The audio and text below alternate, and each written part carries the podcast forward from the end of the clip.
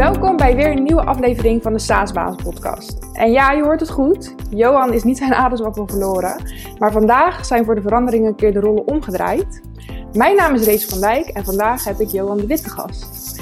Johan, je hebt een jaar lang Saasbazen geïnterviewd en nu ben jij aan de beurt. Ik weet dat je vaak op je praatstoel zit, maar houd het kort, want ik ga even heel goed van deze gelegenheid gebruik maken. Ik heb dus heel veel vragen voor je. Welkom. Ja, dankjewel. Ik uh, beloof je bij deze om heel kort en compact te antwoorden. Nou, dat is mooi. Die, uh, daar houd ik je aan. Uh, we gaan met de eerste vraag aftrappen. Um, je bent natuurlijk founder van Noordhaven en Saasbazen. Um, wij met jou aan het roer delen heel vaak ontzettend veel waardevolle content. Eigenlijk gratis kennisdeling. waar komt jouw drijf om met plezier jouw kennis te delen vandaan? Um, ja, dan moet ik nu natuurlijk heel ver terug eigenlijk. Want ik weet nog dat ik ooit in een grijs verleden, toen ik op de basisschool zat, me voornam om uh, schoolmeester te worden. echt? Ja, was, was dat jouw droom? Ja, dat was echt mijn ambitie. Dat was echt, uh, ja, dat moest het wel worden. Um, nou, nee, zonder grappen. Dat was wel echt serieus een beetje, zat toen wel in mijn hoofd. En uh, nou ja, ik wilde toen natuurlijk ook brandweerman worden. En nou, alles wat eigenlijk het profvoetballer, dat dat soort dingen weer allemaal worden. Nou, dat is het allemaal niet geworden. Um, nee. Maar um, eigenlijk wel een vrij ja, belangrijk, uh, belangrijk kenmerk, een rode draad in alles wat ik doe, is wel dat ik mijn kennis graag deel. Um, dus die drijf, ik denk dat het gewoon wel een beetje met karakter te maken heeft. En uh, ik vind het gewoon echt ontzettend vet om als ik nieuwe inzichten ergens heb opgedaan, om die dan, uh, om daar dan mee aan de slag te gaan, om ze te begrijpen wat ik dan precies heb geleerd. En dat dan weer door te geven aan anderen, zodat een ander daar ook weer voor doet. Dat is eigenlijk wel in essentie waar ik gewoon altijd super blij mee word. Ja, super mooi. En ook verklarend. En uh, om even bij content te blijven. Uh, het internet staat vol met blogs. Mensen worden echt overspoeld met content. Heeft het in deze tijd nog wel zin om een blog te maken? Over, over alles is al een keer iets geschreven. Wat is jouw ja. visie daarop? Ja, nou, uh, goede vraag. Um, de eerste wat in mij opkomt, moet je dan um, per se blogs schrijven? Um, mensen, er zijn inderdaad ontzettend veel blogs, maar mogelijk dat je wat andere vormen van content kan gaan produceren. zelf hebben wij nou, twee jaar geleden ongeveer besloten om uh, inderdaad ook niet meer actief te bloggen. We publiceren wel eens badgeschreven content, maar uh, dat is zeker niet zoveel. Um, wij hebben besloten om bijvoorbeeld deze podcast te maken. Mm -hmm. omdat uh, ik best wel een podcast-fan ben zelf. En ik zag ook dat het medium opkwam. En ik vind het ook eigenlijk een veel leukere manier om uh, in een gespreksvariant uh, kennis te delen. Dus het past wat meer bij mijn persoonlijke interesse en voorkeur. Um, maar nog steeds denk ik dat er ja, heel veel kansen zijn om, om blogs te schrijven. Alleen ik denk wel dat je inderdaad heel kritisch moet kijken waar ligt de ruimte. Uh, en misschien uh, is het wel een aardig linkje. Wij hebben in onze consultie hebben wij het, dat noemen wij het Authority Framework. En dat bestaat eigenlijk uit drie fasen. de eerste fase in het bouwen van autoriteit is het delen van kennis. Het tweede is interactie zoeken. En het derde is eigenlijk discussie ownen, om het zo maar even te noemen. En als je echt alleen blogt, dan zul je zien dat je toch eigenlijk vooral aan het zenden bent. Dat is op zich niet erg, dat is een goed begin, want daarmee bouw je ook publiek op. Maar als je alleen daarbij blijft, dan komt er ook weinig interactie. Dus met interactie, uh, dat creëer je weer meer door op social media en op, in bepaalde sociale groepen uh, ook actief te zijn. Um, en uiteindelijk, wat natuurlijk het ultieme doel zou moeten zijn van je contentstrategie, is om ook echt de host te zijn van een discussie. Of dat nu in een podcast is, of een community, een LinkedIn-groep, Facebook-groep whatever, een, een WhatsApp-groep uh, desnoods. Maar ik denk dat het als bedrijf belangrijk is dat je op een gegeven moment naar de volwassenheid gaat, dat je zelf niet alleen aan het bloggen of aan het zenden bent, maar dat er ook interactie komt. Juist ja. Ja, en ik, uh, je haalde ook al de podcast even aan.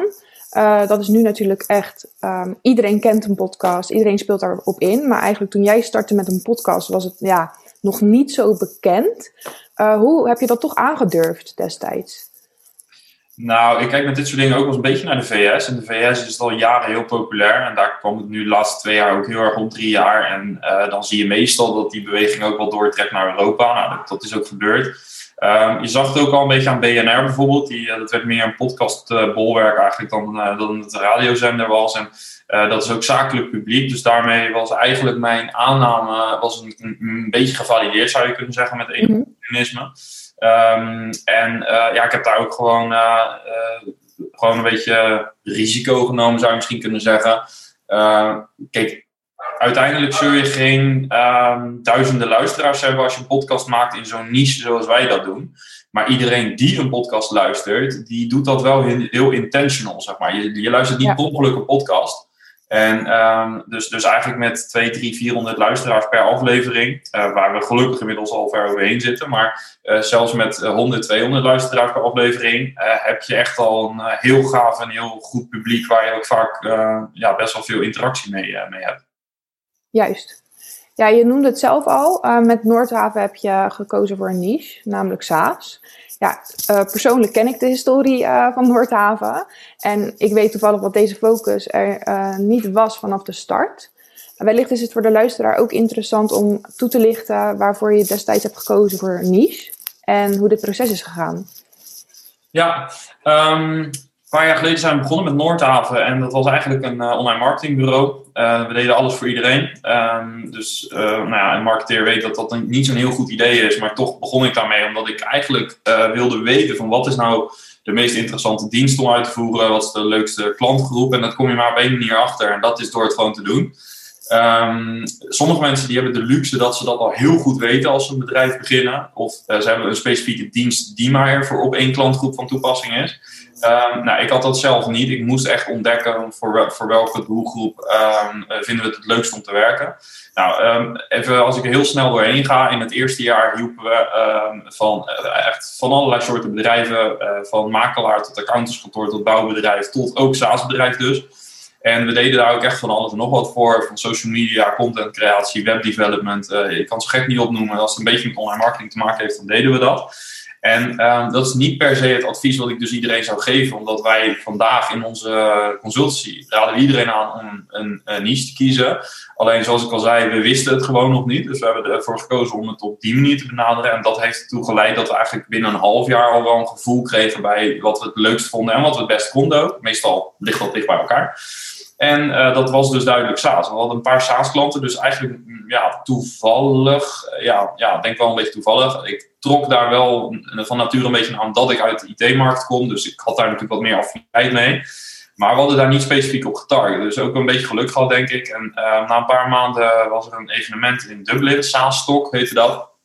En daar ben ik toen naartoe gegaan met een collega. En zo is het balletje gaan rollen. En toen hebben we al vrij snel de keuze gemaakt, gaan ons specialiseren. Eerst in tech. Maar eigenlijk na een paar maanden kwamen we erachter dat tech eigenlijk ook nog niet echt een specialisatie is. Want een hostingbedrijf bijvoorbeeld valt onder een techbedrijf. Maar het businessmodel van een hostingbedrijf uh, wijkt best wel weer veel af van een SaaS-bedrijf. Dus we hebben gezegd van het wordt SaaS. En een paar maanden later zeiden we het wordt B2B SaaS. Dus we hebben daar eigenlijk steeds um, uh, meer specialisatie in gekozen. En um, ja, dat heeft ertoe geleid dat je veel beter de taal spreekt van je markt. Je kent alle ins en outs, althans grotendeels. Uh, en je krijgt um, ja, uiteindelijk natuurlijk een steeds betere propositie. Uh, dat weet je van tevoren. Alleen om toch die keuze te maken is best wel eng. En ik weet niet of we het daar vandaag nog over gaan hebben. Um, maar veel ondernemers vinden dit wel een hele lastige stap. Omdat het, um, ja, je zegt eigenlijk een heel groot deel van de markt. Daar zeg je uh, tegen, ja, we werken niet voor je. En dat is spannend, want dat voelt beknellend. Maar als je het gedaan hebt, is het juist bevrijdend. Want er, uh, je, hebt, je hebt eigenlijk veel makkelijker tractie. En het hoeft niet per se te betekenen dat je voor altijd in die, alleen in die niche uh, blijft werken. Het kan zijn dat je op een gegeven moment na vijf jaar, dat je zegt, nou nu deze markt snappen we helemaal. We gaan een markt kiezen erbij die hierop lijkt. Uh, zo zijn natuurlijk heel veel bedrijven groot geworden. Dus ja, eigenlijk, dat is eigenlijk ja. in de notendop. Ja, dus als ik het goed begrijp, is het niet iets wat je besluit en wat je dan de volgende dag al geïmplementeerd hebt. Het is wel echt iets wat een lange aanloop nodig heeft. Uh, geduld, de juiste keuzes, um, een proces ja, wat zichzelf eigenlijk uh, moet ontwikkelen en ja, het is, het is zeker een proces. Proces is het goede woord. En, uh, want het is niet alleen. Uh, kijk, je moet erin groeien persoonlijk. Als, als, als ondernemer moet je wennen aan het idee dat je uh, een heel groot deel van de markt eigenlijk afsnijdt. Ehm, en je moet gaan zien en ook gaan geloven dat daar waar je dan vervolgens ja tegen zegt, dat dat ook een hele interessante markt is. Ehm, maar je hebt ook eh, te maken met het team bijvoorbeeld. Als je mensen het niet zien zitten. Kijk, je kan zelf als ondernemer heel veel gevoel hebben bij een specifieke niche. Of dat dan e-commerce, logistiek of SaaS is of wat dan ook. Uh, en, maar jouw team heeft dat niet, dan uh, schiet dat natuurlijk ook niet op. Dus het is niet iets wat jij alleen doet. Je moet het met je team moet je, moet je daar samen in geloven. Um, het moet ook natuurlijk een groeimarkt zijn en er zitten ook risico's aan. En laten we eerlijk zijn, als ik dit besluit had genomen en ik had uh, niet SaaS gekozen, maar horeca of um, nou ja, noem een andere branche die geraakt is nu door corona, dan had de wereld er voor ons wat anders uitgezien. Nu zitten we gelukkig aan de goede kant, maar uh, ja, in zo'n situatie had je nu, al had ik dat advies aan je gegeven van een niche horeca, dan had je nu, misschien wel even bij me aangeklopt en gezegd, veel had je me niet even op die, op die gevaren kunnen Ja, even, even aan je oor getrokken. ja, dat denk ik zeker. Dus Um, ik, geloof sowieso in dat het, is nooit zo zwart-wit. Uh, we hebben heel lang hebben we nog een aantal klanten gehad die niet SaaS waren, omdat je nou eenmaal ook een relatie hebt met klanten en daar wil je niet zomaar afscheid van nemen. Dus uh, ja, dat is, in mijn ervaring zijn dit processen en niet besluiten die je van de een op de andere dag doorvoert. Misschien dat er ondernemers zijn die dat wel kunnen, dat zou kunnen, maar ik heb er tijd voor nodig gehad. Ja, helder. En uh, om even bij het thema advies te blijven. Uh, we werken nu al een aantal jaren samen. En, jij zegt altijd: een goed advies begint met het stellen van de juiste vragen. Wat maakt dat jij altijd benieuwd bent naar de vraag achter de vraag?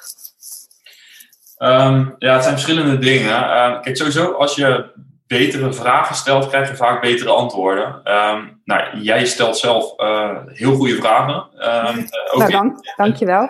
Maar ook bij klanten bijvoorbeeld. En de kwaliteit van je vragen die is zo bepalend. Want op het moment dat jij uh, meteen ingaat op de initiële vraag die neergelegd wordt, dan betekent dat vaak dat je niet echt tot de kern komt.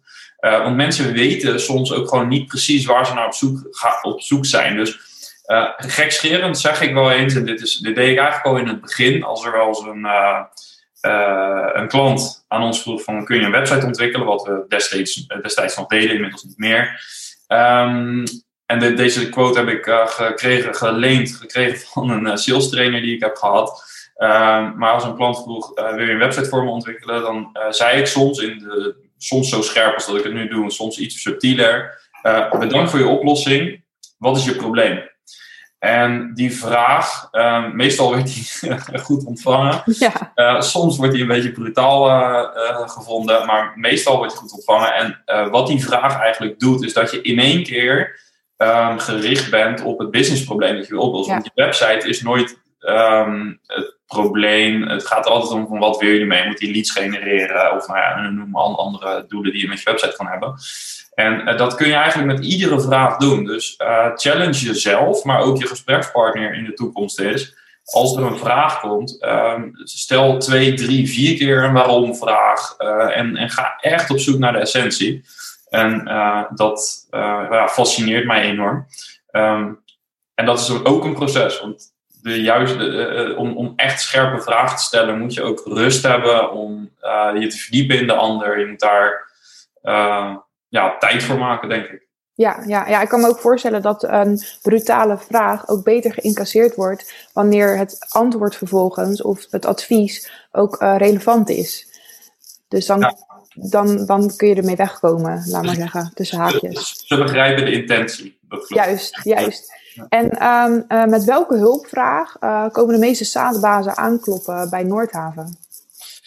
Um, nou, die is op zich best wel divers. Um, ik denk dat je een scheiding kunt maken tussen start-ups en scale-ups. We helpen start-ups die echt, uh, uh, nou, vaak zijn die op zoek naar een eerste 10k MRR, zoals we dat dan noemen, of eerste 100 klanten. Dat, dat scheelt voor elke start-up een beetje. Maar, uh, of soms zelfs eerste 10 klanten om echt tractie te krijgen. Ehm, dus dan is de vraag eigenlijk heel praktisch: hoe kunnen we snel traffic genereren? Hoe kunnen we het converteren? En met welke middelen moeten we het doen? Welke kanalen zijn daar goed voor? dat soort dingen. Um, bij scale-ups, en dat heeft het afgelopen jaar met name, uh, hebben we dat heel veel gedaan. Uh, die vragen vaak bij ons om een audit. Dus die hebben vaak zelf al een marketingteam, of die hebben een marketingbureau, of, misschien één of twee marketeers. En um, die vragen vaak, uh, kun je eens een audit doen? Kun je eens een review doen waar we mee bezig zijn? En um, welke activiteiten die we doen, doen we goed? Wat kan beter? en wil je het ook eens je benchmark ernaast leggen? Dus wij hebben een conversie van X, is dat oké op ons sales demo? wij genereren zoveel leads uit ons website Is dat oké? Kan dat beter? Um, hoe doen andere SaaS-bedrijven dat?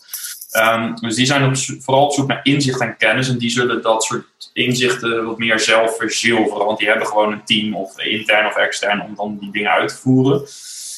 Um, dus ik denk dat dat belangrijk is. En, en daarbinnen heb je eigenlijk, als je zo'n audit doet, zijn er eigenlijk twee uitkomsten. Uh, dus welke kanalen, middelen, acties uh, leveren te weinig rendement op? En welke um, middelen, kanalen uh, leveren goed rendement op? Die laag rendement opleveren, gaan we op zoek naar de oorzaak. Dus dan ga je op zoek naar uiteindelijk de vraag achter de vraag ook. Dus wat is er precies aan de hand en waarom heb je ooit voor dit kanaal gekozen? Is er een goede fit met de doelgroep bijvoorbeeld? Um, maar het kan ook zo zijn dat je uh, in, in zo'n analyse wil je natuurlijk ook weten waar liggen dan de mogelijkheden om te schalen. Dus wat werkt wel? En van alle kanalen die we inzetten, um, als we ergens op moeten inzetten, welk kanaal is dat dan? Uh, en dat zijn natuurlijk ontzettend interessante trajecten, omdat je daar vaak met uh, een, een, een, hele kleine tweak kun je soms gigantisch veel impact hebben, omdat uh, de getallen gewoon hoger zijn. En ja, dat zijn eigenlijk twee. Het, het, is misschien niet heel concreet antwoord op je vraag, maar mm -hmm ja, ik ben geneigd om inderdaad te beantwoorden vanuit die, dus de start-ups uh, en scale-ups. Die hebben beide toch wel een iets andere behoefte Ja, ja, nee, logisch. Um, en eerder heb, heb, ik het al even genoemd. Je bent founder van uh, dus zowel Noordhaven als Saasbazen. En nog wel wat meer. Maar laten we het even hierop uh, houden. Um, wat maakt Noordhaven in jouw ogen anders dan andere Nederlandse marketingbureaus? Um, ja, goede vraag. ik denk dat het belangrijkste, zonder het eh, per se te, te, verkopen, ik denk dat het belangrijkste is dat je um, dus al de focus op uh, B2B SaaS hebt. Dus je snapt uh, waar een SaaS-bedrijf uh, tegenaan loopt. Je snapt de taal, letterlijk en figuurlijk. Um, je beschikt over benchmarks, over inzichten. Nou, het feit dat we ook nog eens praten met heel veel SaaS-bazen helpt natuurlijk ook wel daarin mee. Uh, daarnaast is het zo dat veel marketingbureaus die zijn heel erg gericht op leadgeneratie en soms ook conversie, maar in principe vooral aan de voorkant de, poort openzetten om traffic te genereren en om te zorgen dat, dat, dat traffic iets gaat doen op je website of op andere kanalen. En dat is op zich prima, want daar begint het spel van marketing ook en dus ook van SaaS marketing. Alleen deze een issue.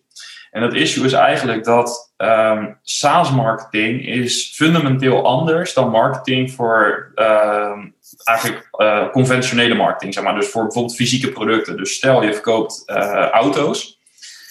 Um, of uh, als bouwbedrijf verkoop je dakkapellen of je verkoopt laptops als webshop. Dan zijn dat altijd een, zijn dat transacties die eenmalig plaatsvinden. Um, en op het moment dat die aankoop is gedaan, dan heeft dat, die deal heeft geld opgeleverd. Als het goed is. Hè. Het kan zijn dat je een keer mis zit, maar uh, overal zou je kunnen zeggen: levert het verkopen van een laptop of een auto levert direct geld op aan de kassa. Um, en op het moment dat uh, je daar marge maakt, dan is de deal gedaan en maakt het in die zin niet zo heel erg veel uit um, of die klant terugkomt. Natuurlijk wil je dat die klant een keer terugkomt, maar het is niet essentieel om er geld aan te verdienen, want je hebt initieel al geld verdiend bij de eerste transactie. Bij SaaS is dat anders. Bij SaaS besteed je allerlei, uh, besteed je allerlei efforts in het binnenhalen van een klant. En het genereren dus van een lead ook. En de kosten daarvan, die zijn vaak hoger dan de winst die je maakt, of überhaupt de omzet die je maakt, bij de eerste keer dat je het maand- of het jaarbedrag afrekent. Meestal natuurlijk het maandbedrag bij veel B2B SaaS-oplossingen. Dus stel dat het jou uh, ehm, 500 euro kost om een klant binnen te halen en jouw uh, software kost uh, eh, 100 euro in een maand, dan zou je met enig, uh, even gesimplificeerd zou je kunnen zeggen dat je al vijf maanden nodig hebt om die acquisitiekosten terug te verdienen. Dan moeten die kosten daar ook nog vanaf, maar laten we even zeggen dat je die vijf maanden al nodig hebt.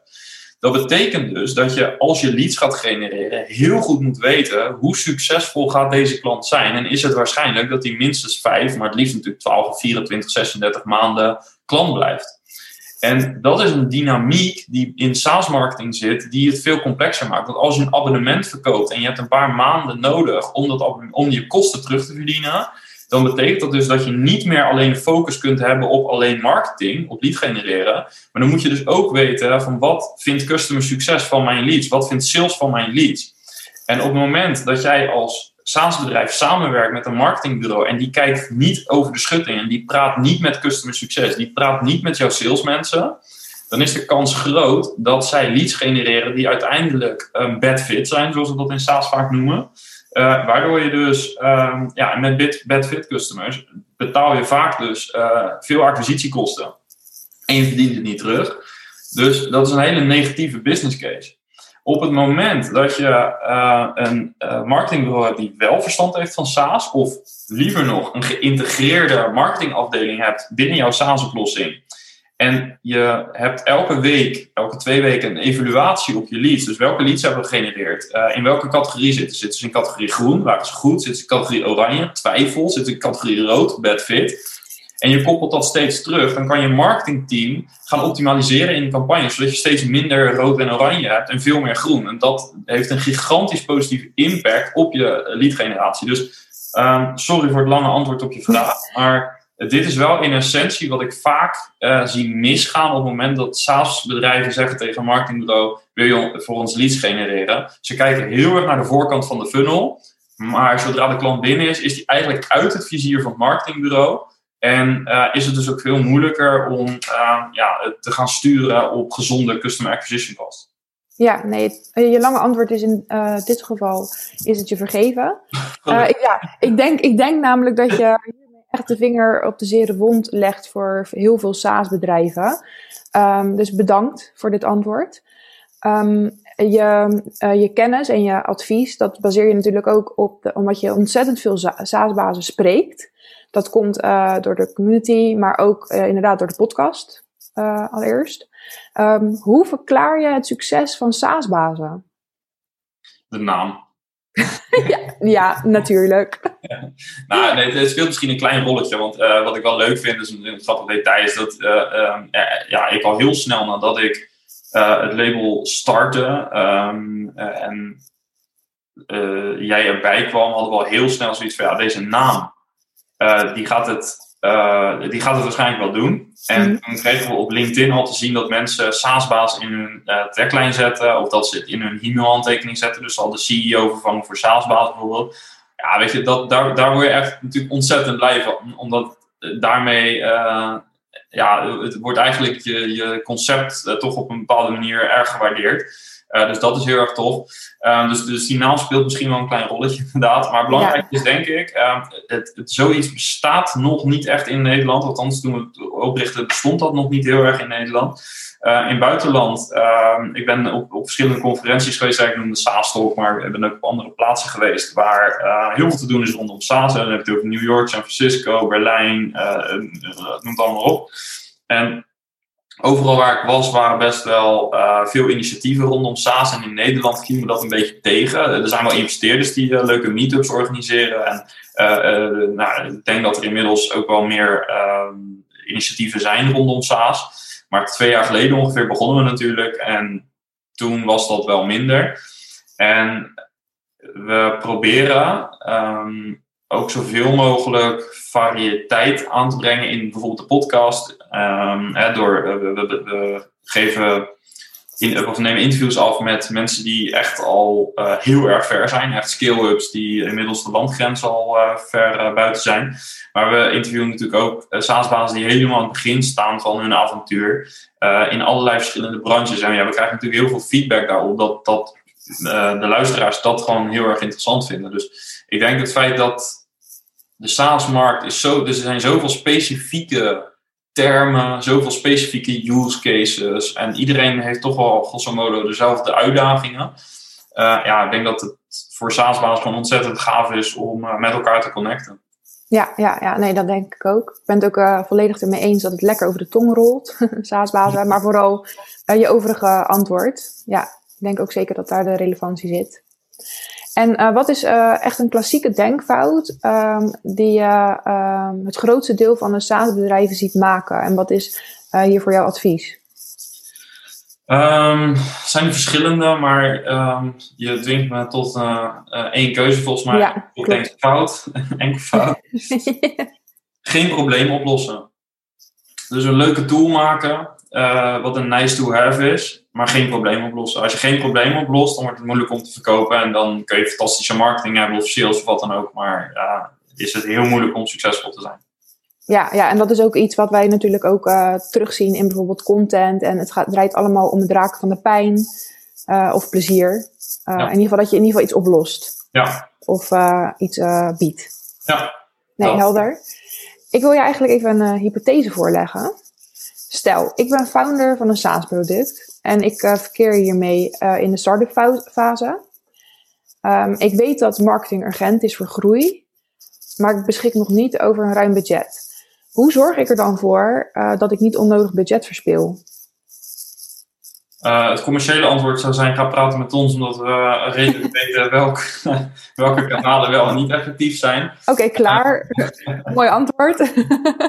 maar uh, ik wil nog wel één ding over zeggen. En dat ja. is um, een concept dat ik ook vaak aanraad bij early stage: is other people's network. Um, je hoeft je doelgroep niet uit te vinden. Um, je doelgroep is er al. En dat betekent dus ook dat je niet um, zelf meteen een heel grote marketingmachine hoeft neer te zetten. Zeker in het begin is het heel verstandig om uh, gewoon eens te kijken van welke, wat, wat, wat, is mijn doelgroep en met wie doet die doelgroep als succesvol zaken. Dus wie werken er samen met mijn doelgroep. Uh, kunnen andere SaaS-leveranciers zijn, het kunnen ook hele andere beroepsgroepen zijn. Juristen, uh, accountants, uh, ander soort leveranciers van diensten of producten, die complementair zijn of uh, misschien niet complementair, maar die ook helemaal geen last hebben als jij ook met, met hen samenwerkt. Um, of er zelfs baat bij hebben als jij ook met hen samenwerkt. Dus ga op zoek naar mogelijkheden om partnerships aan te gaan. En dat hoeft niet per se een partnership te zijn op affiliate basis of iets dergelijks. Maar kijk gewoon, wat kun jij, welke partijen kun jij uh, bereiken die ook al samenwerken met jouw doelgroep. En vraag hen of zij je willen introduceren. Bedenk een gezamenlijk uh, offer, uh, dat soort dingen.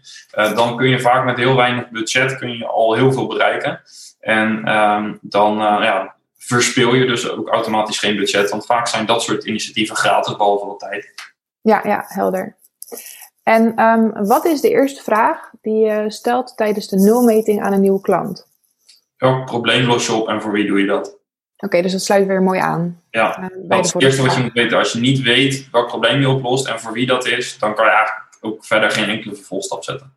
Nee, en, en wat doe je dan als het, als het antwoord uh, dus uh, de andere kant opvalt? Als men dat niet weet, dan is dat ook gelijk je grootste uitdaging. Uh, dus ga desnoods reverse engineeren. Ga praten met een paar klanten die, uh, waar je uh, toch die al langs klant zijn of op een andere manier overduidelijk blij zijn met je product. En ga hen vragen waarom ze elke maand een abonnement verlengen. En soms, soms vinden dat eng, omdat ze dan zeggen: ja, maar dan kan het zijn dat ze inderdaad dat ik ze trigger, dat misschien de toegevoegde waarde niet zo groot is. Uh, dan zeg ik altijd, ja, maar dan liever dat hebben, uh, dat je die omzet kwijt bent, dan dat je nu niet door kunt schalen. Want uh, je, je allergrootste uitdaging op het gebied van marketing, om überhaupt te vinden van tractie en groei, is weten welk probleem je oplost. Daar kom ik altijd bij terug. En ja. ja, is dat ook belangrijk. Ja, en daarnaast zijn er nog andere uitdagingen, bottlenecks, die je bij de meeste startups of zelfs skill-ups signaleert? Um, nou, ja, dat zijn er heel veel eigenlijk. Ik vind het moeilijk om daar eentje uit te halen. Um, als ik dan zou moeten kiezen, is denk ik um, gebrek aan structuur in de uitvoering. Uh, en dat is ook een hele lastig, omdat veel start-ups uh, natuurlijk nog met uh, kleine budgetten moeten werken of met weinig resources vaak. Um, en het, het, is een beetje een valkuil om dan heel veel verschillende dingen te gaan doen. En het is beter om te zeggen: oké, we gaan in plaats van ons richten op kanalen en middelen, um, gaan we gewoon elke twee weken um, doen we een, een soort van sprintmeeting, adviseer ik dan vaak. Dus veel SaaS-bedrijven zijn al gewend om op basis van Scrum te werken met product development. Probeer dat ook eens te gaan doen met je marketing. Uh, de, meesten doen dat helemaal niet. Uh, maar juist in development krijgen ze vaak heel veel snelheid erin, omdat ze een goed werkproces hebben. Uh, nou, zonder het te hebben over kanalen, middelen, budget, uh, campagnes, dat soort dingen. Uh, implementeer dan dat proces eens, want dan is dat in ieder geval de eerste structuur die je kunt aanbrengen. Dat zal de, en, en van daaruit komen de antwoorden vanzelf. Ja, en zeg je daarmee dan ook dat dat een essentieel element is voor in de marketingstrategie van bijvoorbeeld een start-up? Um, nou, het is misschien niet zozeer de strategie zelf, maar het is wel uh, belangrijk in de uitvoering ervan. Dat je gewoon uh, ook daar een proces voor hebt. Dus niet dat je, en want anders dan zie je soms dat even drie weken, drie maanden zijn ze heel enthousiast bezig met het schrijven van whitepapers, met het bouwen van landingpagina's en dat soort dingen. Alleen als je geen gestructureerd proces hebt om dat steeds te evalueren en steeds te leren, het liefst in een hele korte cyclus, dan ja, kun je ook moeilijk meten waar je nou succesvol in bent en, en niet. En wordt het ook moeilijker om de dingen die wel goed gaan te schalen en om de dingen die niet goed gaan, om die af te bouwen. Juist, ja. ja. En ehm, dat evalueren, laten we dat zelf ook even doen. Op welke doorbraak met of voor een klant ben je trots?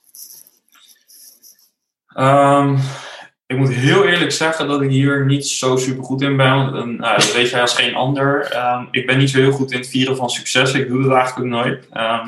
Dus dat nee, waarvoor, waarvoor denk je dat ik deze vraag heb bedacht? Waarschijnlijk omdat je me te goed kent. Uh, dus, ik begin, dus laat ik de meest, het meest recente voorbeeld gebruiken. Uh, dat was denk ik twee weken geleden dat ik werd gevraagd door twee start-up founders die nu een paar maanden bezig zijn. En wat funding hebben opgehaald voor een, een hele gave oplossing. Um, die stonden op het punt om een pitch te gaan geven voor een bank, voor, om nog extra kapitaal op te halen. Die avond en diezelfde middag hadden ze een pitch voor een, een eerste klant. En um, zij hadden mij gevraagd om eens mee te denken over die pitch. En inhoudelijk, maar ook hoe, hoe, vliegen we dat nu aan? Hoe maken we de meeste kans? Want het was natuurlijk echt die idee voor hun. Ze moesten gewoon die twee deals binnenhalen. En toen ik binnenkwam, hadden ze een offerte liggen voor, met een prijzing voor 3600 euro per jaar voor hun oplossing. En ze hadden een pitch gemaakt uh, in, in PowerPoint van wat decks. Uh, zag er allemaal echt keurig uit, maar erg textueel en weinig visueel. Dus nou, daar heb ik wat guidance gegeven. Um, dat was eigenlijk niet het belangrijkste. Het belangrijkste was dat ik um, na een aantal vragen erachter kwam dat hun markt, dat daar, um, dat, dat, dat ik, had daar een heel ander beeld meteen van dan zij zelf schetste. Zij kwamen met een SaaS-oplossing die echt gigantisch veel uh, commerciële impact kan hebben voor hun doelgroep. En ze zetten daar 3600 euro aan, maandelijk, of aan jaarlijkse uh, prijzing tegenover. Uh, ik heb ze toen uitgedaagd om ehm, het bedrag, om daar een nulletje achter te zetten. Dus in plaats van 3600 om 36.000 euro te vragen. Nou, dat wordt natuurlijk in het begin werd dat niet per se heel erg warm ontvangen. Omdat, ja, dat is een hele grote stap en super spannend. Um, ze hebben dat toch gedaan. Uh, uiteindelijk, wat ik echt super stoer vind, want ze zijn al maanden met het concept bezig. Ze hebben echt een heel gaaf businessmodel. Uh, wat echt heel veelbelovend is. Alleen, ik denk dat ze daar zelf, doordat ze daar best al lang mee bezig zijn, misschien uh, ja, de, de, waarde te weinig van hebben ingezien. in ieder geval hadden ze niet het vertrouwen om een, een, een, echt een serieuze prijzing neer te leggen. Nou, uiteindelijk hebben ze dat dus wel gedaan. Nogmaals, echt ontzettend stoer. En eind van de middag kreeg ik, of eind van de avond kreeg ik een WhatsAppje. Bedankt. We hebben de deal van 36k binnen. Uh, en we hebben de pitch bij de bank ook gewonnen. We horen binnenkort de hoogte van het bedrag. Wauw. Um, nou ja, nu, vorige week heb ik nog even met hem geappt over, daarover. En ja, dat is natuurlijk zo'n ontzettend vette doorbraak. Want stel je voor dat, dat we die sessie niet hadden gehad. Dan hadden ze nu waarschijnlijk 3600 euro gehad. En nu hebben ze 36.000 euro deal. En dat geldt natuurlijk niet alleen voor deze klant, maar ze hebben hiermee ook de tractie die je nodig hebt om dat ook bij andere klanten te doen. Dus dat kan, het is een gesprek van twee uur geweest, maar dat heeft natuurlijk gigantisch veel opgeleverd. Dus um, met enige bescheidenheid zeg ik wel, dat is wel, zeg maar, als in het recente verleden kijk, is dat echt uh, wel eentje waar ik uh, nog dagen pumped van was. Ja, ik kan me echt voorstellen dat het een enorme kick ook geeft. Zeker als je dat appje dan ontvangt, dat je denkt, echt, daar doe je het voor. Ja, ja echt uh, waanzinnig. Ja, en elke use case is natuurlijk anders. Um, uh, jij en ik, wij werken vaak met het uh, SaaS Marketing Framework. Ehm, hoe bepaal je waar dus het daadwerkelijke probleem of gemis of uitdaging binnen de business zich bevindt? Ja, soms is dat echt common sense. Uh, is het echt overduidelijk. Um, maar meestal is het ook gewoon uh, een kwestie van uh, de, de, cijfers analyseren. Dus kijken hoeveel traffic komt erin, ehm, wat zijn de conversies. En soms zie je daar dan al dermate bijzondere afwijkingen dat je meteen ziet van oké, okay, het probleem zit hier duidelijk bij de, conversie op de website. Of er zit in de salesconversie is niet lekker. Um, of de, kanalen, de kanalen mix is heel onlogisch. Uh, dus de combinatie denk ik van best practices, een cijfermatige analyse en uh, ja, toch ook echt wel common sense. En, uh, misschien, ik, ik vind het leuk om daar kort iets over te zeggen. In deze wereld wordt natuurlijk zoveel gedaan op basis van cijfers. En nou je kent me, ik zit vaak in spreadsheets te knallen en ik vind het fantastisch. Maar tegelijkertijd vind ik het ook belangrijk om ook nuchter te zijn en ook om gewoon te durven vertrouwen op je, soms op je gut feeling. Want soms weet je gewoon van hier zit echt iets in de message zit niet goed. En dan kan je kapot analyseren op cijfers, maar ehm, ja, soms is het gewoon ook echt zo duidelijk. Dan moet je ook gewoon durven om um, daar beslissingen op te nemen. Dus um, cijfermatig, maar gebruik ook echt gewoon je gezonde verstand. Uh, dat, daar moet je echt op durven vertrouwen. Ja, maar we hebben wel natuurlijk de afgelopen jaren je gezonde verstand en, uh, en alles hebben we gevat in heel veel templates, modellen, worksheets. dat komt ook vooral vanuit jouw koker. Um, waar, komt jouw, um, waar komt die methodiek van jou vandaan en hoe pas je dit toe in de, in de praktijk?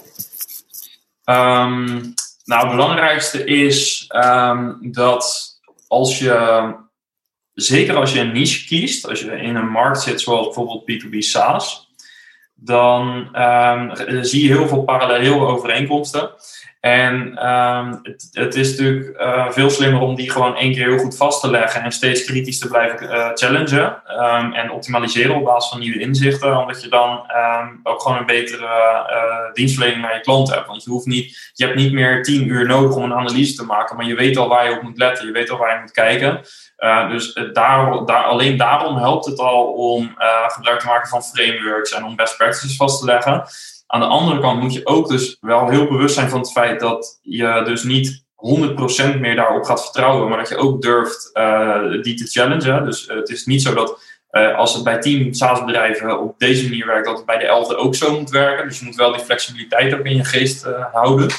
Maar het belangrijkste is wel dat je ja, gewoon patronen gaat zien. En wij zijn best wel, onze coachings- en trainingsstijl is best wel framework-based, noem ik het allemaal even.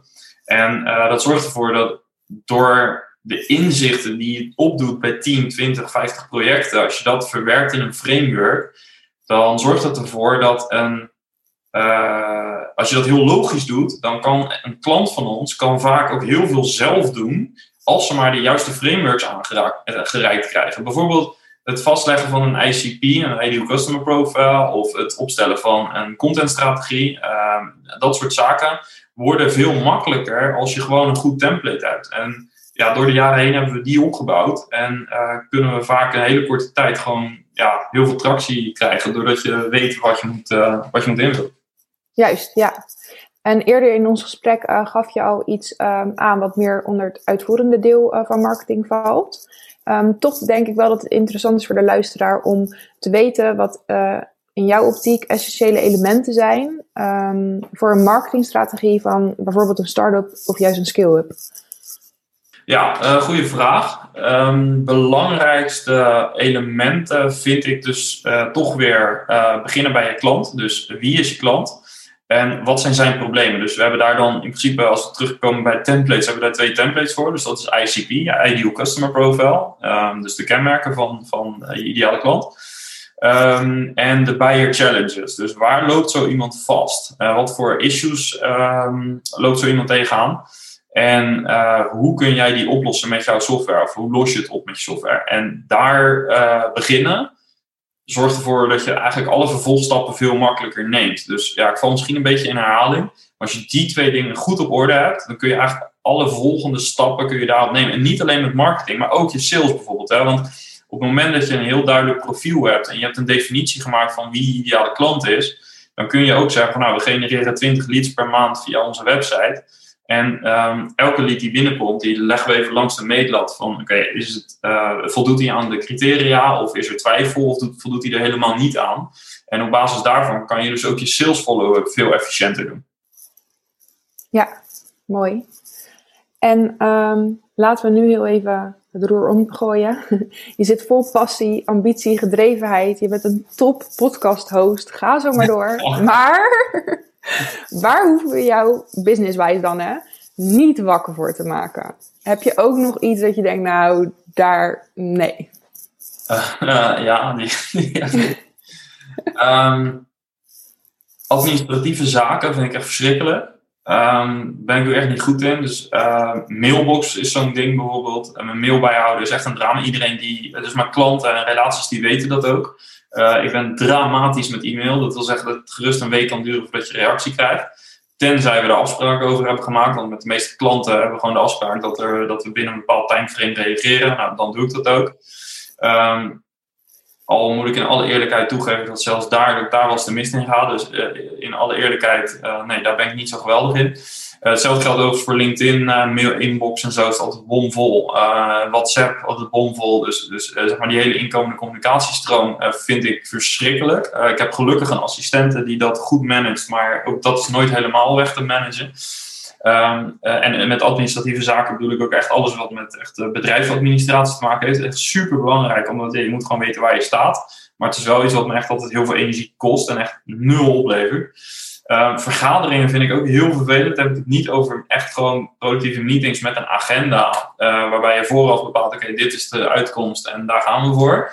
Uh, of bijvoorbeeld brainstorm sessies bij klanten, dat vind ik echt, echt fantastisch. Alleen vergaderingen als in uh, nou ja, een beetje klassieke vergaderen gaan zitten en uh, misschien 5% van de tijd een bijdrage hebben, ja, die probeer ik. Ik doe er alles aan om die te, te, te skippen, want dat vind ik echt verschrikkelijk.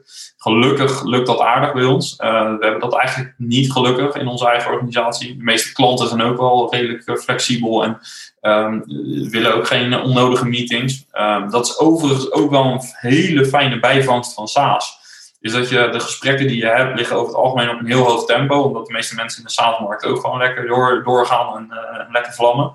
Um, toen we dat een paar jaar geleden, toen ik nog wat meer in conservatievere markten zat, zoals bouw, logistiek, dat soort markten. Ja, dan had je gerust vijf keer een meeting over één onderwerp. Ja, dat, dat, dat is echt, nee, dat, uh, daar, ga ik, uh, daar ga ik echt niet hard op, zeg maar. Nee, nee, dat herken ik ook persoonlijk helemaal niet in de bedrijfscultuur van al onze entiteiten. Nee, gelukkig niet. nee.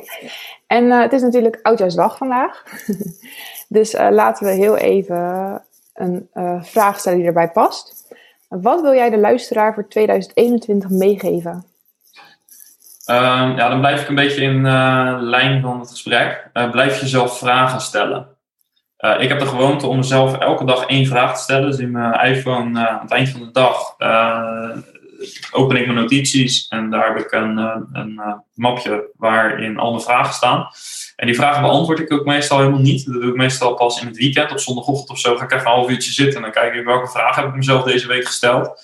En dan pas beantwoord ik ze. En dan ook meestal niet allemaal, want soms staan er gewoon vragen bij. Dan denk ik van, oké, maar was dat alles wat ik wil vragen die dag? Uh, daar kan ik dan niet zoveel Maar soms zitten er echt uh, hersenkrakers bij, waarvan ik zelf ook denk, ja, ik moet op zoek naar het antwoord. En dan neem ik daar lekker in het weekend de tijd voor.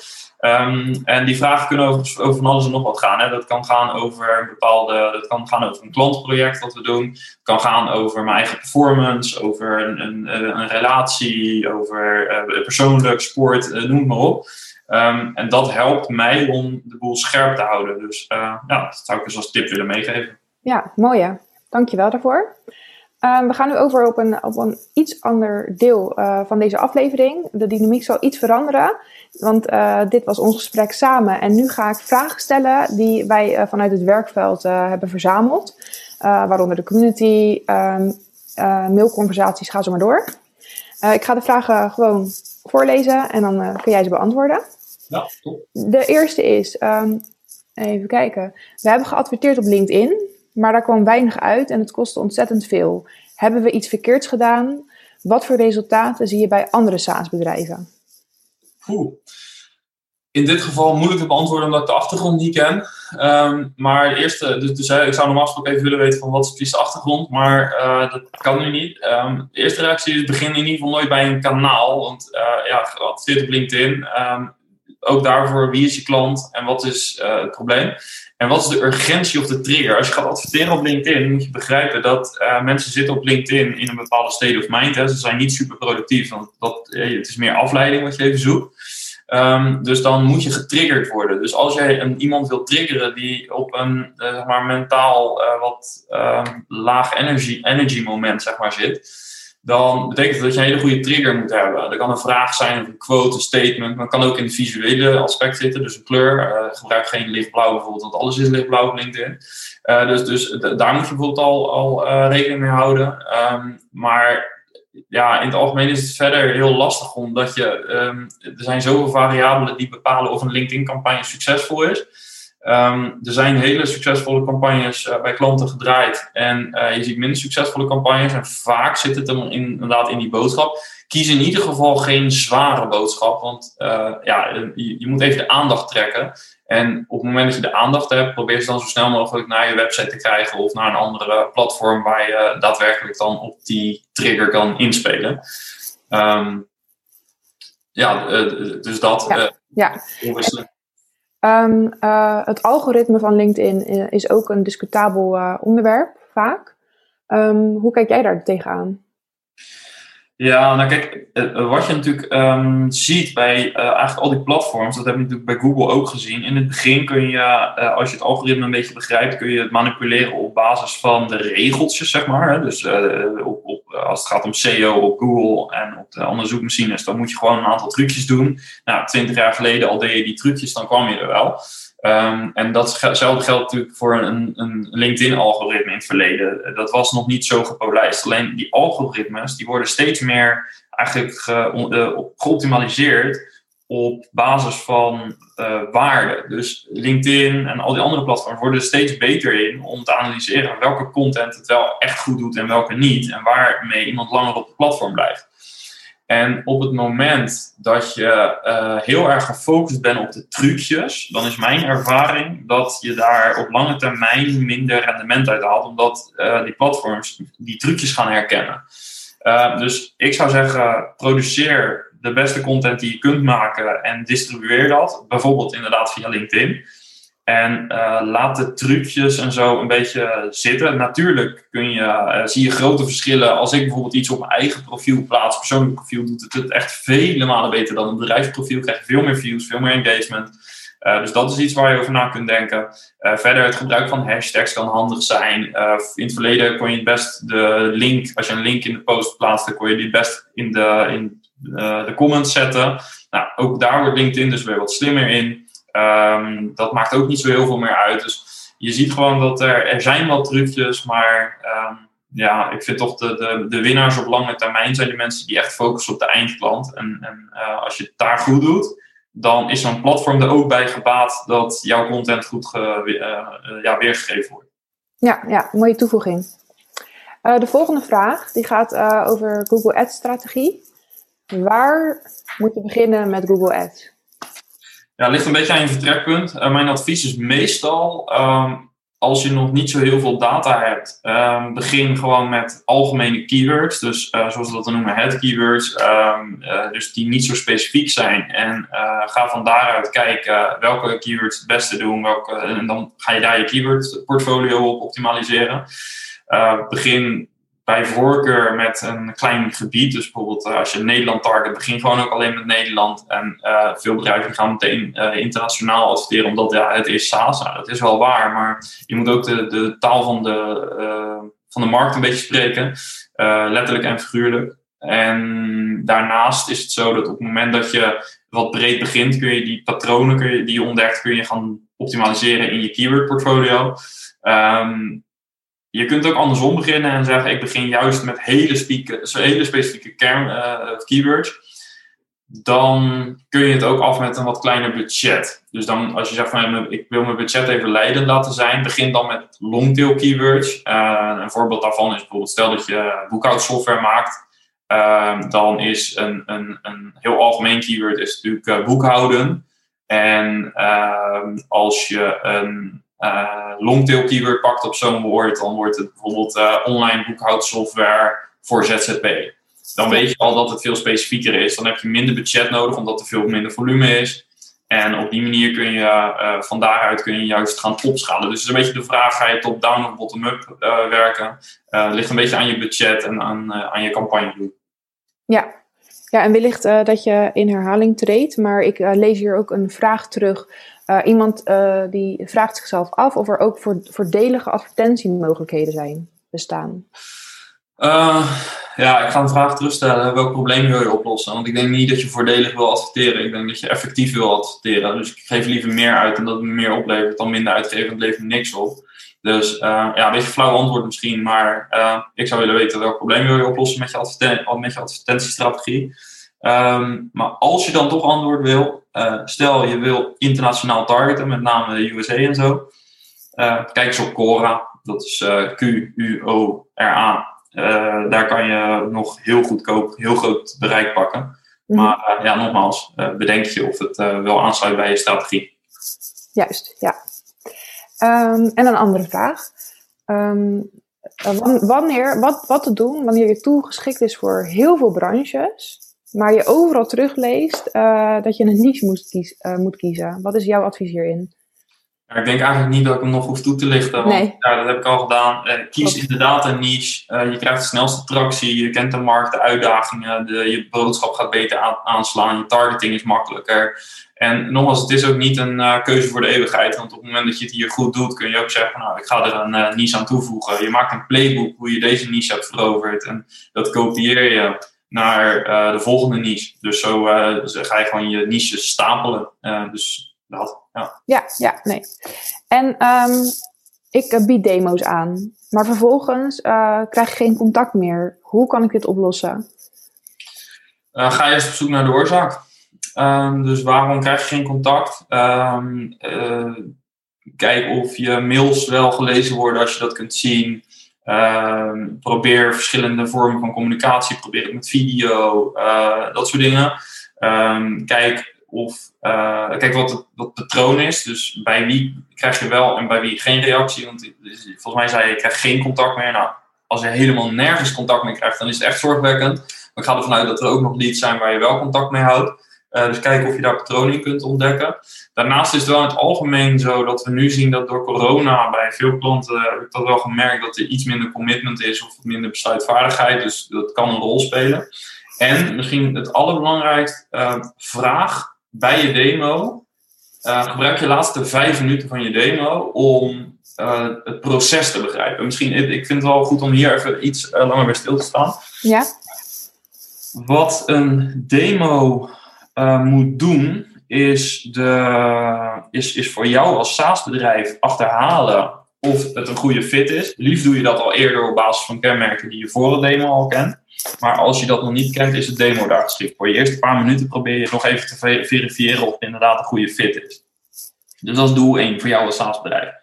Het tweede doel is om te kijken uh, hoe ziet nou het salesproces eruit? En, uh, of het aankoopproces vanuit klantperspectief. Hoe ziet dat eruit? Wat heel veel SaaS-bedrijven en heel veel sales reps doen bij een demo, de focus qua mindset ligt op het geven van een demo. Dus het vertellen hoe gaaf de software is, features laten zien, dat soort dingen.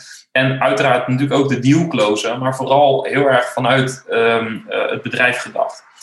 Um, een demo is um, de beste manier om niet alleen je software te laten zien, maar vraag ook uit hoe het aankoopproces er bij die klant uitziet. Want stel jij hebt met een enterprise klant te maken en je, hebt, je geeft dat demo aan één iemand, dan weet je al vrij zeker dat er misschien nog wel twee, drie, vier, vijf, zes, zeven andere mensen bij die aankoop betrokken zijn.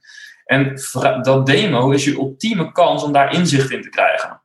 Dus voordat je, gaat, uh, voordat je demo afsluit, vraag aan uh, de persoon: wat is de vervolgstap? Uh, en op het moment dat zij zeggen, nou, ik ga uh, het in een sales meeting of in, in onze eerstvolgende meeting gaan we het doornemen, dan kom ik bij je op terug. Vraag dan, oké, wat, wanneer is die meeting? Wat is de uitkomst van die meeting? Dus wordt daar besluit al genomen of is dat oriëntatie? en, en vraag zo uit.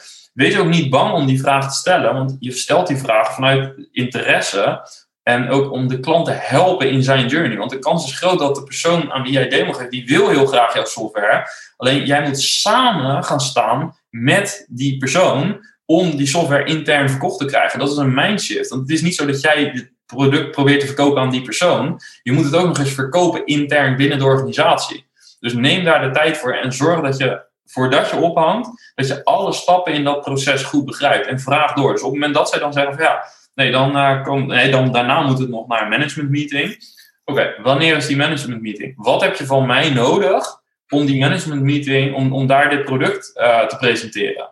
Misschien zeggen ze wel, ik heb een paar slide decks nodig of ik heb een presentatie nodig. Dan stuur je die door. En op die manier, door daarop door te blijven vragen, oké, en is dat dan wel de meeting waar het besluit genomen wordt? Ja, daar wordt het besluit genomen. Oké, wat zouden in die meeting nog de obstakels kunnen zijn? Wie zitten er in die meeting? Nou, daar zit onder andere onze CFO en die moet aangeven of het budget vrijgemaakt kan worden.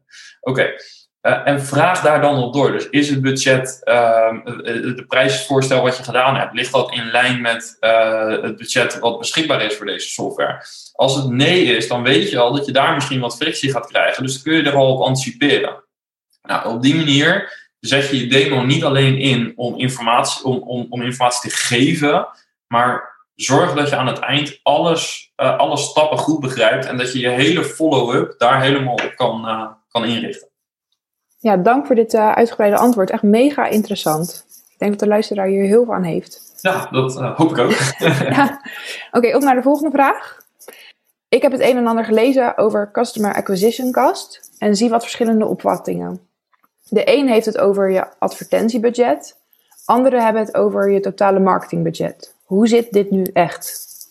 Ja, uh, die vraag wordt inderdaad mij ook vaker gesteld. Het is eigenlijk vrij eenvoudig. Uh, je hebt Customer Acquisition Cost inderdaad, kortom even alvast CAC, CAC.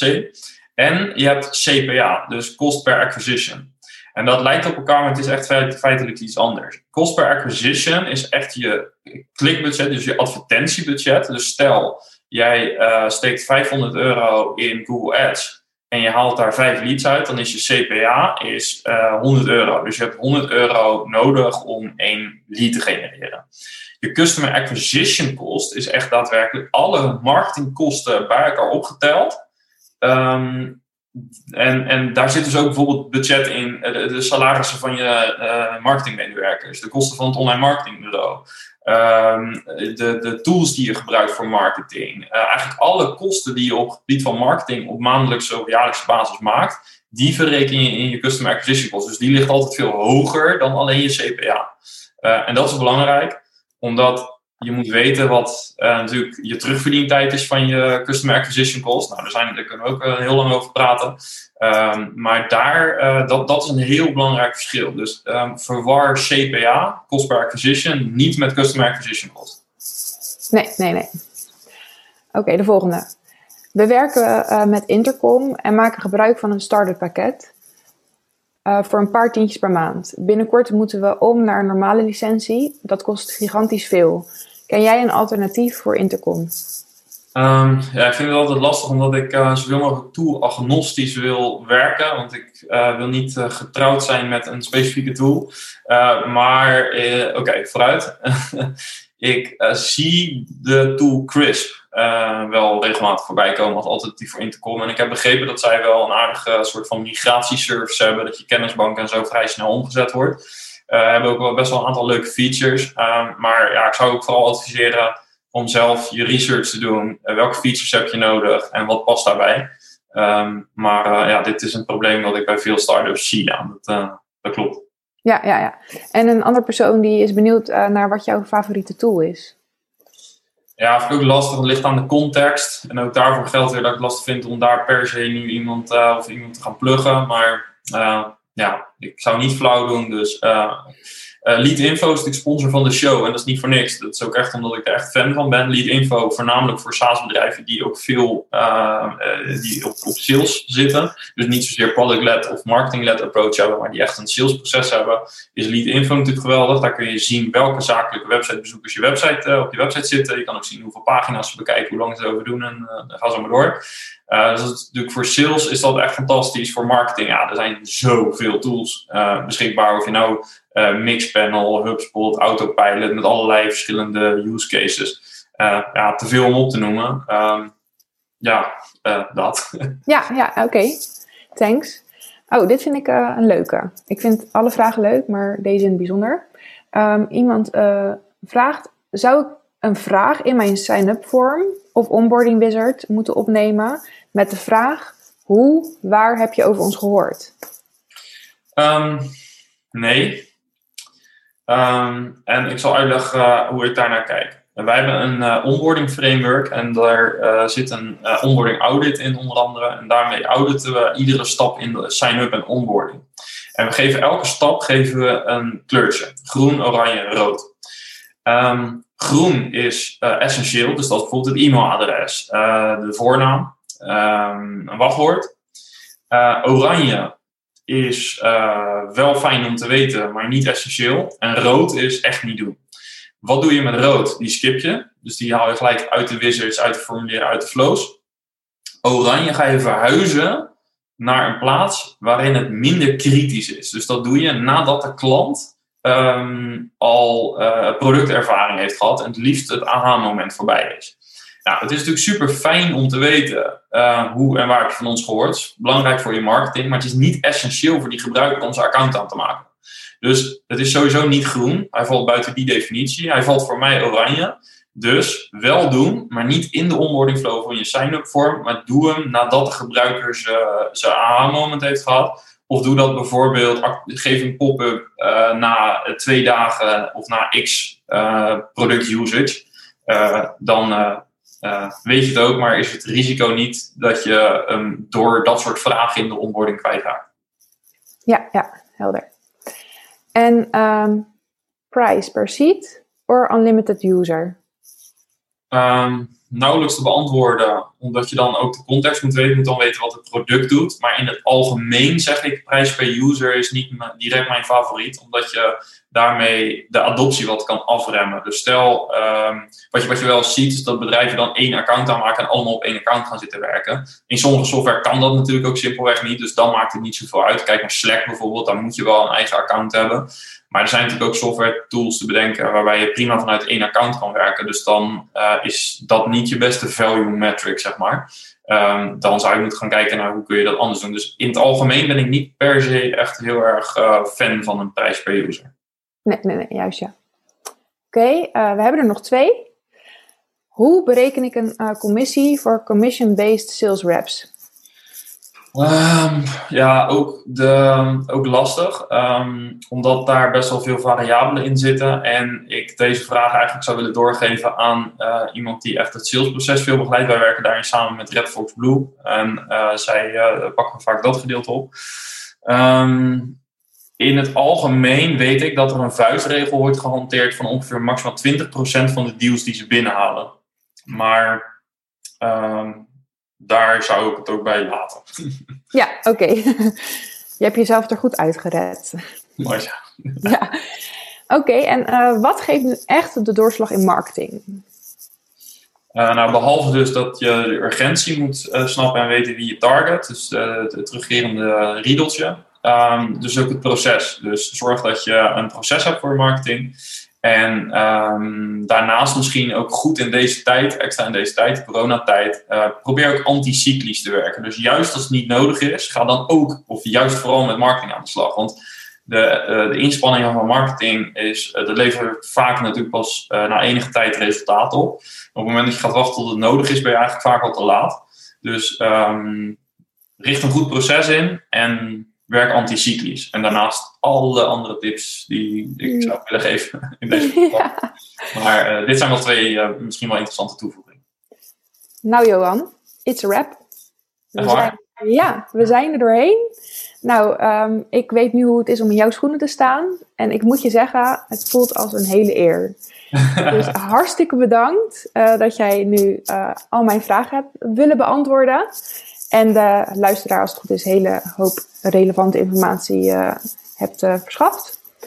En uh, wat ik wil doen, is namens ons de luisteraars bedanken voor het support afgelopen jaar. Want ja, wij staan er helemaal achter en wij denken dat we hele leuke dingen doen, maar zonder de luisteraars zijn we natuurlijk nergens.